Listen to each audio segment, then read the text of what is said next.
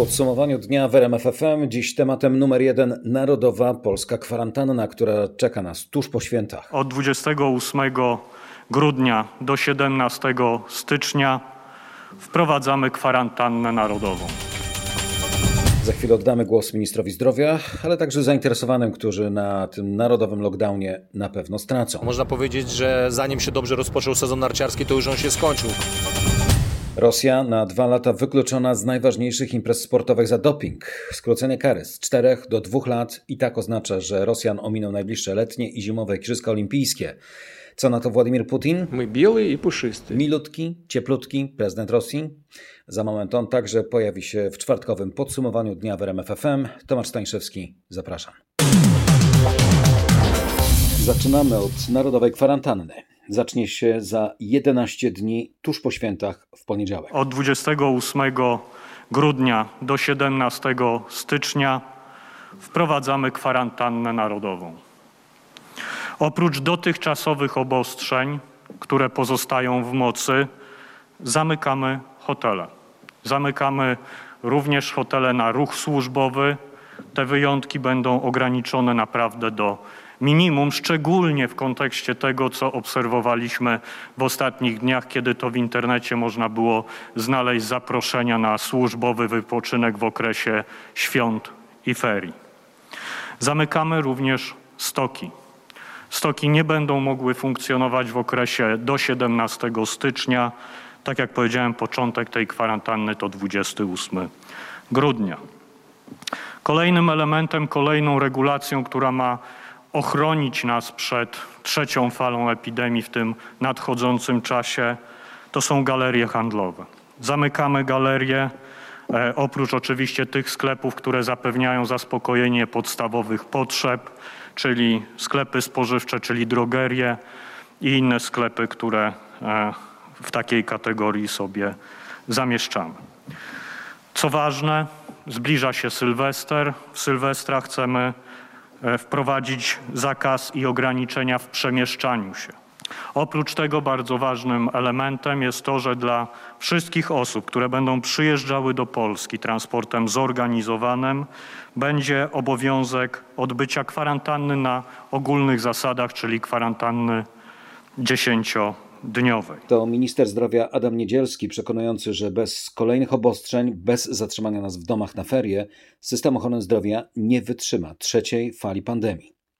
Dziś według dobowych danych Ministerstwa Zdrowia niespełna 12 tysięcy zakażeń, 11 953 dokładnie przypadki i 431 ofiar. Patrząc na mapę zakażeń wojewódzką, najwięcej nowych przypadków dziś w Wielkopolskiem, ponad 1,5 tysiąca, 1318 w Mazowieckiem i po ponad 1100 przypadków w Kujawsko-Pomorskim i Zachodnio-Pomorskim. Wykonano ponad 37 tysięcy testów, w tym ponad 12 200 to testy antygenowe. Profesor Andrzej Horban, główny doradca premiera Mateusza Morawieckiego do spraw walki z COVID-19, mówiąc o tych danych, podkreśla. W gruncie rzeczy walczymy o życie ludzkie, bo to, że spada liczba nowo zdiagnozowanych, to jest bardzo pocieszające, ale nie spada nam liczba osób, które umierają. Ono, ta liczba utrzymuje się na tym samym poziomie, a co gorsza, również obserwujemy wzrost liczby osób umierających nie z powodu rozpoznanego COVID-u, tylko z powodu innych chorób, lub być może z tego powodu, że ci ludzie nie trafiają do szpitala w odpowiednim czasie. Wzrost zgonów mniej więcej o 100% jest wręcz sygnałem alarmującym i nie powinniśmy dopuszczać do tego, żeby ta liczba zgonów się utrzymywała, a nie daj Boże, żeby jeszcze wzrosła. Jeżeli byśmy kontynuowali nadal radosną twórczość wypoczynkową, to obawiam się, że słowa pana ministra na temat niewytrzymania systemu opieki medycznej ziściłyby się naprawdę, ponieważ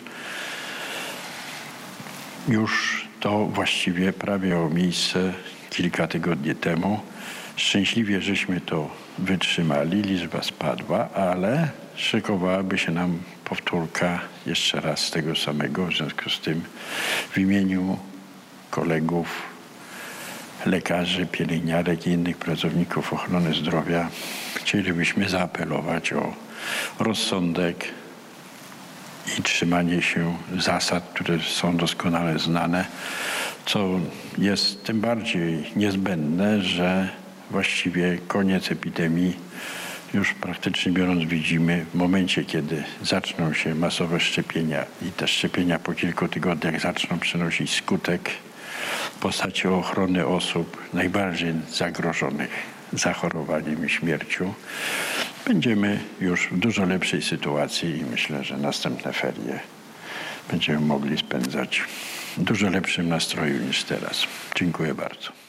Przed nami jednak te najbliższe ferie zimowe, poprzedzone rozpoczynającą się w poniedziałek 28 grudnia narodową kwarantanną.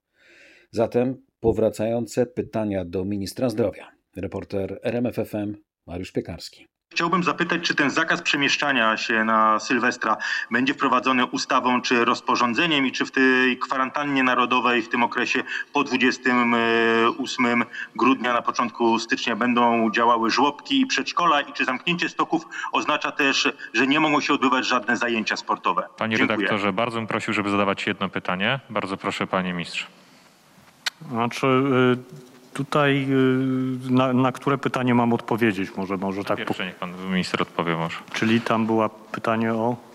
No, może o przedszkola i żłobki, bo jak rozumiem tutaj pan redaktor. E, Jeżeli chodzi o wypełniał. przedszkola, żłobki, wszystko jest na dotychczasowych zasadach, e, czyli zamknięte do 17 stycznia. No i Adam Niedzielski wywołał lawinę pytań i wątpliwości. Ministerstwo Zdrowia ostatecznie je rozwiewa, dementuje informacje ministra Niedzielskiego.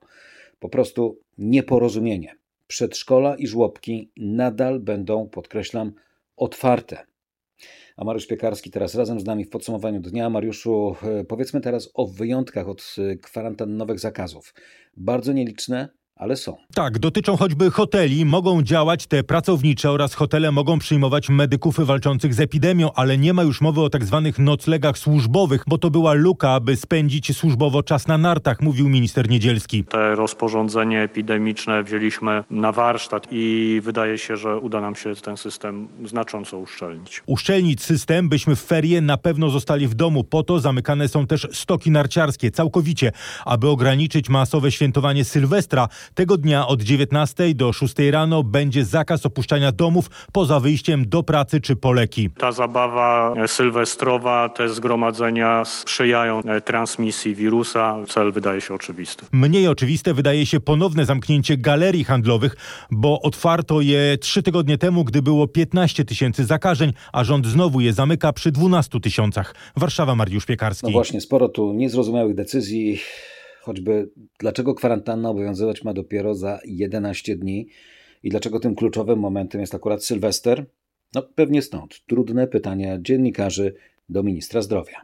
Wspomniał w czasie konferencji e, pan minister, że w Sylwestra przemieszczanie się e, będzie zabronione od godziny 21, natomiast na stronie jest od godziny 19. Czy jest w takim razie od 19 czy od 21? O 19. Jednak od 19. Przepraszam za błąd. Ja chciałbym zapytać, jaki jest e, tak naprawdę cel tego zakazu przemieszczania się w Sylwestra od 19? No bo zakładając, że na przykład Polacy wyjdą na imprezy sylwestrowe o 18 i zostaną na takiej imprezie do 6 rano, to czy to jakoś będzie kontrolowane w takim razie? Czy oni muszą zostać w domu tego dnia do 20, od tej 19?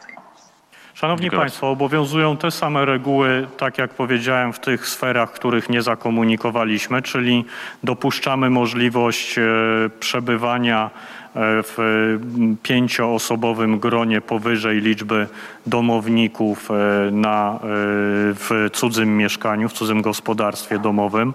Ale jeżeli Pan pyta o cel, no to cel wydaje się oczywisty. To znaczy celem tego jest ograniczenie e, ruchu, ograniczenie mobilności, ograniczenie przede wszystkim e, zgromadzeń, które e, często w noc sylwestrową e, w poprzednich latach się e, odbywały, no bo e, niestety ta zabawa e, i e, sylwestrowa, te zgromadzenia sprzyjają takim warunkom e, transmisji wirusa, więc e, cel wydaje się oczywisty. ewentualne kary za e, złamanie tych regulacji, o których pan minister mówi, jeśli chodzi właśnie o tę noc sylwestrową, tę taką przedłużoną godzinę policyjną, bo chyba tak możemy do tego podchodzić, jeśli chodzi o zakaz przemieszczania się. E, W ostatnim czasie e, poprawiliśmy od strony jakby legislacyjnej e, strukturę przepisów, które są podstawą e, karania. W tym przypadku będą, tak jak dotychczas to było stosowane, groziły mandaty. Pytanie, na jakich zasadach wprowadzony zostanie zakaz przemieszczania się w Sylwestra ustawą czy rozporządzeniem, wciąż pozostaje otwarte. Jakieś jeszcze inne pytania do ministra zdrowia w sprawie kwarantanny narodowej? Pytanie dotyczące ferii. E, czy tak samo w ferii będzie obowiązywał zakaz e, wychodzenia dzieci e, z domów między godziną 8 a 16 po południu bez, bez opiekuna? Dziękuję. Tak, te obostrzenie, które w tej chwili obowiązuje, zostanie utrzymane. Wyjątek oczywiście dotyczy przemieszczania się z opiekunem, z rodzicami, ale też będzie dotyczył e, półkolonii, które w zorganizowany sposób będą zapewniały e, organizację czasu dzieciom z klas 1-4. Czy w jakikolwiek sposób omawiano kwestię pomocy dla właścicieli stacji narciarskich, którzy trzy tygodnie temu dostali komunikat, że mogą e, prowadzić działalność, naśnieżali swoje stoki, co było dosyć kosztowne. Teraz okazuje się, że znowu będą po prostu zamknięci. E, jeżeli chodzi o tą drugą kwestię, to tutaj szczegółowych informacji czy szczegółowe informacji przedstawi pan e, premier Gowin w swojej konferencji, bo oczywiście mamy przygotowane instrumenty finansowe zabezpieczające na zasadzie tarczy poszczególne branże, które tymi e, obostrzeniami będą dotknięte. Skoro minister zdrowia Adam Niedzielski do tablicy wywołał ministra rozwoju pracy i technologii Jarosława Gowina, oddajemy mu głos. Chcę przypomnieć, że dwa dni temu pan prezydent Andrzej Duda podpisał kolejną ustawę e, pomocową. To oznacza, konsultowaliśmy to dosłownie przed chwilą z panem ministrem Tadeuszem Kościńskim, że pieniądze z tej tarczy zaczną płynąć do polskich przedsiębiorców jeszcze w grudniu. Jakie to środki? No po pierwsze, w zawieszenie, umorzenie e, w płatności ZUS, E, po drugie postojowe dla mikro i małych firm, po trzecie dotacje w wysokości 5 e, tysięcy, czyli bezzwrotne dotacje dla małych firm, a dla wszystkich firm. E, w, niezależnie od wielkości, to co jest najważniejszym elementem tej pierwszej tury pomocowej. E, to są środki z Funduszu Gwarantowanych Świadczeń e, Pracowniczych w wysokości do 2000 zł netto na etat bądź e, umowę zlecenia. A to oznacza, że nie będzie żadnych dodatkowych programów pomocowych dla zamykanych branż. Coś jeszcze rozważają rządzący? Umorzenie w 100% pomocy z Polskiego Funduszu Rozwoju przyznanego, przyznanej wiosną tego roku. No i co bardzo ważne, zwłaszcza dla firm średnich i e, dużych, Polska jest ciągle liderem, jeżeli chodzi o negocjowanie zupełnie nowego instrumentu pomocowego. Chcemy refinansować e, firmom dotkniętym i branżom dotkniętym obostrzeniami do 70% e, kosztów stałych. Tyle wicepremier Jarosław Gowin. Czy coś e, do dodania ma minister finansów Tadeusz Kościński? Polska gospodarka przechodzi przez najpłytszą e, recesję, czy jedną z najpłytszych recesji e, w, w tym roku, jak się porówna do innych krajów Unii Europejskiej. I prognozujemy, że w przyszłym roku gospodarka już zacznie rosnąć na poziomie około 4%, co daje nam bardzo dobre pozycje względem innych krajów w Europie i mam nadzieję, że nie będziemy potrzebowali wykorzystywać tą poduszkę finansową na ratowanie miejsc pracy, ale raczej e, mam nadzieję, że to będzie wykorzystane, e, żeby rozkręcać naszą gospodarkę i pomóc naszym przedsiębiorcom, żeby się znaleźć w nowym e, rzeczywistości po pandemii i jak najwięcej atakować rynki globalne tego i ściągać inwestycje do Polski. Dziękuję. Tadeusz Kościński, człowiek urodzony, przypominam, w Londynie. Kiedyś bankowiec, teraz urzędnik państwowy, podsekretarz stanu kolejno w ministerstwach rozwoju, przedsiębiorczości i technologii oraz finansów. Od tego roku minister finansów, funduszy i polityki regionalnej w rządzie Mateusza Morawieckiego. A my oddajemy teraz głos praktykom Co ma do powiedzenia na temat nowej narodowej kwarantanny burmistrz Karpacza? Niestety ziścił się najczarniejszy scenariusz. Będziemy w związku z tym e, oczekiwać od e, rządzących bardzo konkretnego wsparcia finansowego i ratowania naszych mieszkańców jakąś sensowną tarczą. Tutaj w przypadku takich miejscowości jak nasze, można powiedzieć, że zanim się dobrze rozpoczął sezon narciarski, to już on się skończył. Dzisiaj, jeżeli stacje narciarskie mają być zamknięte do 17 stycznia, nikt nie będzie ich naśnieżał, nikt nie będzie ich przygotowywał po to, żeby można było chociażby poszusować na nartach w lutym czy w marcu. Bez pomocy czekają nas masowe bankructwa i zwolnienia z pracy. Będzie wiele ludzkich tragedii. Ostrzega, podkreśla burmistrz Karpacza Radosław Jęcek. Czy coś do dodania ma prezes Tatrzańskiej Izby Gospodarczej Agata Wojtowicz? Chyba najgorsze jest to, że czujemy się tak potraktowani instrumentalnie. To chyba jest najbardziej bolesne i to jest chyba najbardziej dotkliwe. Widzimy wiele różnych błędów, które były powielane niemalże od wiosny. Mieliśmy taką nadzieję, że nawet jeżeli zostały popełnione te błędy, to jesteśmy w stanie je wybaczyć, a szukaliśmy w dalszym ciągu i platformy, i miejsca, które mogłoby dać możliwość pewnego dialogu społecznego. Oczywiście rozumiemy sytuację epidemiologiczną, rozumiemy ogromne obawy, ale wydaje mi się, że chyba wiele różnych rzeczy zostało zaprzepaszczonych, a na pewno ten dialog społeczny. A propos dialogu społecznego, Wasze opinie na temat narodowej kwarantanny? Skoro ma być bezpiecznie, to lepiej niech będzie jakiś czas, a może już po nowym roku będzie lepiej. Wątpię, żeby to się udało upilnować, powiedzmy to sobie szczerze. Szczególnie w Sylwestra? Tak, szczególnie w Sylwestra. Myślę, że jednak ludzie no, zastosują się tych zasad, ale i tak dalej będą organizować jakieś domówki po parę osób. Trzeba będzie zmienić teraz plany na Sylwestra? No chyba tak. Sylwester z domu, ale chyba z przyjaciółmi. Dojadą wcześniej? Myślę, że tak. W Sylwestra i tak kto ma się bawić, może nie na jakąś galę, w prywatnym gronie na pewno też będą się bawić. Bądźmy szczerzy, tak samo jak i święta. To głosy zebrane przez naszego reportera Michała Dobrołowicza w Świętokrzyskich Kielcach. Poszczegóły dotyczące narodowej kwarantanny odsyłam na rmf24.pl. A teraz drenowanie budżetu w nowej KRS. Grupa członków tej wspomnianej nowej Krajowej Rady Sądownictwa znalazła sposób na pobieranie dodatkowych diet i to w niespotykanej skali.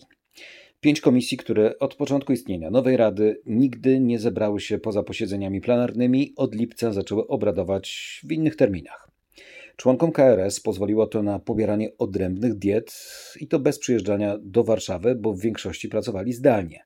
Jaka jest skala tego zjawiska? O tym teraz Patryk Michalski. Od lipca to 26 posiedzeń różnych komisji, na przykład bibliotecznej. Tak, niektórzy członkowie dorobili łącznie ponad 160 tysięcy złotych. Dotychczas wypłacono im 120 tysięcy, bo szef rady, kiedy zauważył proceder, zablokował wypłatę diet w wysokości ponad 49 tysięcy złotych, a później całkowicie go ukrócił przez zmianę regulaminu. Największymi beneficjentami są sędziowie Dariusz Drajewicz i Maciej Nawacki, którzy brali udział niemal we wszystkich komisjach. Każdy powinien dostać ponad 20 tysięcy złotych. Wyjątkowo aktywny był też poseł PiS, członek KRS Arkadiusz Mularczyk, który powinien dostać ponad 15 tysięcy złotych. Przeciwko zakończeniu takiej pracy najgłośniej protestował właśnie Maciej Nawacki. Pandemiczne drenowanie budżetu w nowej KRS? Ten tekst Patryka Michalskiego polecam na dobrze poinformowanej stronie. rmf24.pl. Wchodzisz, wiesz. Rosja na dwa lata wykluczona ze światowego sportu. Nie może wystawiać reprezentacji w Mistrzostwach Świata ani Igrzyskach Olimpijskich. Rosjanie będą mogli startować na tych imprezach jako zawodnicy neutralni. Tak zdecydował Trybunał Arbitrażowy w Lozannie, do którego to Rosja odwołała się od kary wymierzonej przez Światową Agencję Antydopingową, na czele której stoi w tej chwili były minister sportu Witold Bańka. uh, Bardzo złożona sprawa, ale WADA, czyli Światowa Agencja Antydopingowa, na każdym etapie postępowała zgodnie z uh, należytym procesem i przez cały czas skutecznie radziliśmy sobie w najlepszym interesie czystego sportu. Przypominam, Rosję ukarano za manipulację w bazie danych moskiewskiego laboratorium antydopingowego. Przekazanie tej bazy danych było warunkiem przywrócenia Rosjan na pełnych prawach do sportowej rywalizacji po tym, jak za oszustwa dopingowe ten kraj nie mógł wystąpić pod własną rosyjską flagą w Pjongczangu.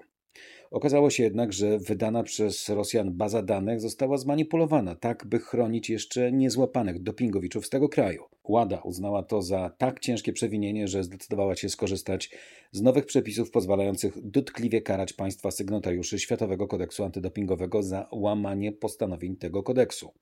Sprawa trafiła do Trybunału Arbitrażowego do Spraw Sportu, a ten stanął dziś po stronie Światowej Agencji Antydopingowej i jej prawa do karania krajów łamiących kodeks.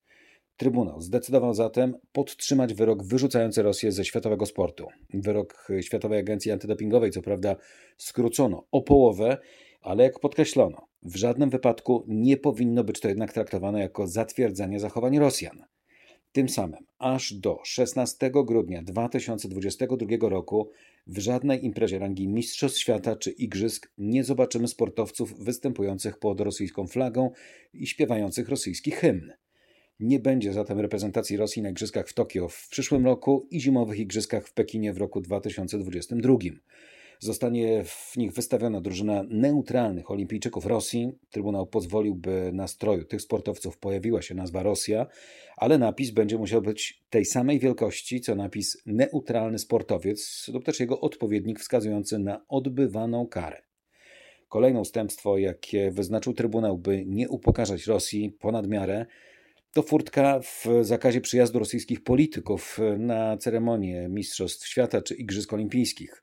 Władimir Putin będzie mógł przyjechać na ceremonię otwarcia Igrzysk do Pekinu czy do Tokio, o ile dostanie zaproszenie od głowy państwa gospodarza lub też od szefa tamtejszego rządu. Ale Agencja AP już informuje, że niepewny jest występ rosyjskiej reprezentacji w piłce nożnej na mundialu w Katarze. Orzeczenie Trybunału nie zabrania sportowcom zbornej występów w kwalifikacjach imprez mistrzowskich, ale zakazuje im wyjazdu na sam turniej. Światowa Federacja FIFA nie wydała jeszcze w tej sprawie żadnego komunikatu, zatem w RMFFM sprawdzajcie fakty. Władimir Putin tymczasem oskarża Zachód o to, że nie dotrzymał obietnic dotyczących nierozszerzania NATO na wschód. Wskazuje też na wycofanie się Stanów Zjednoczonych ze wspólnych porozumień z Rosją, m.in. z układu INF o likwidacji pocisków średniego i pośredniego zasięgu. Co mamy robić w tej sprawie? Pyta prezydent Rosji. Po сравнению z wami, da. Tak i jest. My białe i puszysty. W porównaniu z wami, Zachodem, tak, jesteśmy milutcy i uprzejmi. Postanowiliśmy uwolnić się od sowieckiego dyktatu dla krajów i narodów, które tego chciały, które chciały rozwijać się samodzielnie. Słyszałem wasze zapewnienia, że NATO nie rozszerzy się na wschód, ale nie dotrzymaliście swoich obietnic. Dlatego Rosja musi odpowiadać na działania Zachodu tworzeniem nowych systemów zbrojeń, oznajmił prezydent Rosji. Значит, nie случится ли гонка вооружений? Так она случилась уже. случилось, это очевидно. После Będzie wyścig zbrojeń? To już się wydarzyło, jest oczywiste. Po wyjściu Stanów Zjednoczonych z traktatu ABM wszystko się zaczęło. Jeden kraj buduje dla siebie parasol nuklearny, więc jak rezultat będzie Pyta Władimir Putin. Traktat ABM podpisany został, przypominam, w 1972 roku między Stanami Zjednoczonymi a Związkiem Radzieckim a mówił o nieograniczonym czasowo ograniczeniu rozwoju, testowania i rozmieszczania systemów antybalistycznych. Według prezydenta Rosji na końcowym etapie znajdują się już w tej chwili prace nad ciężkim międzykontynentalnym rosyjskim pociskiem balistycznym Sarmat, a praktycznie zakończona jest już praca nad hipersonicznym cyrkonem. Nad taką bronią hipersoniczną, przypominam, pracują Rosjanie, Amerykanie i Chińczycy. Systemy klasy HGV, Hypersonic Glide Vehicle, to jest broń okryta wojskowymi tajemnicami kilka razy szybsza niż dźwięk.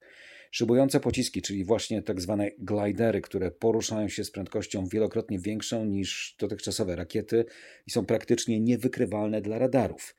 W tej sytuacji większość istniejących arsenałów nuklearnych światowych mocarstw może okazać się bezużyteczna, gdyż już w pierwszej fazie ewentualnej wojny silosy rakietowe zostałyby zniszczone przez glajdery. Wytropienie takiego pocisku przez radary praktycznie jest niemożliwe, leci on bowiem na znacznie mniejszej wysokości niż tradycyjne pociski balistyczne, a następnie precyzyjnie trafia w cel.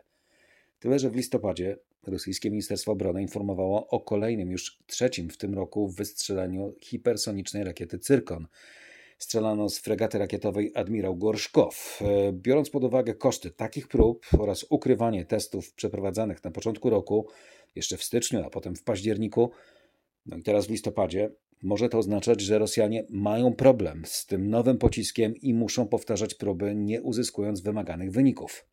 Strzelano z wykorzystaniem prototypowej, jak mówiłem, fregaty admirałów Flota Sowieckiego Sojuza Gorszkow. Rakietę odpalono z Morza Białego w kierunku złożonego celu, jaki został przygotowany na Morzu Barentsa. Zgodnie z oficjalnym komunikatem Cyrkon pokonał 450 km, lecąc z prędkością ośmiokrotnie przekraczającą prędkość dźwięku. W sam raz do radia.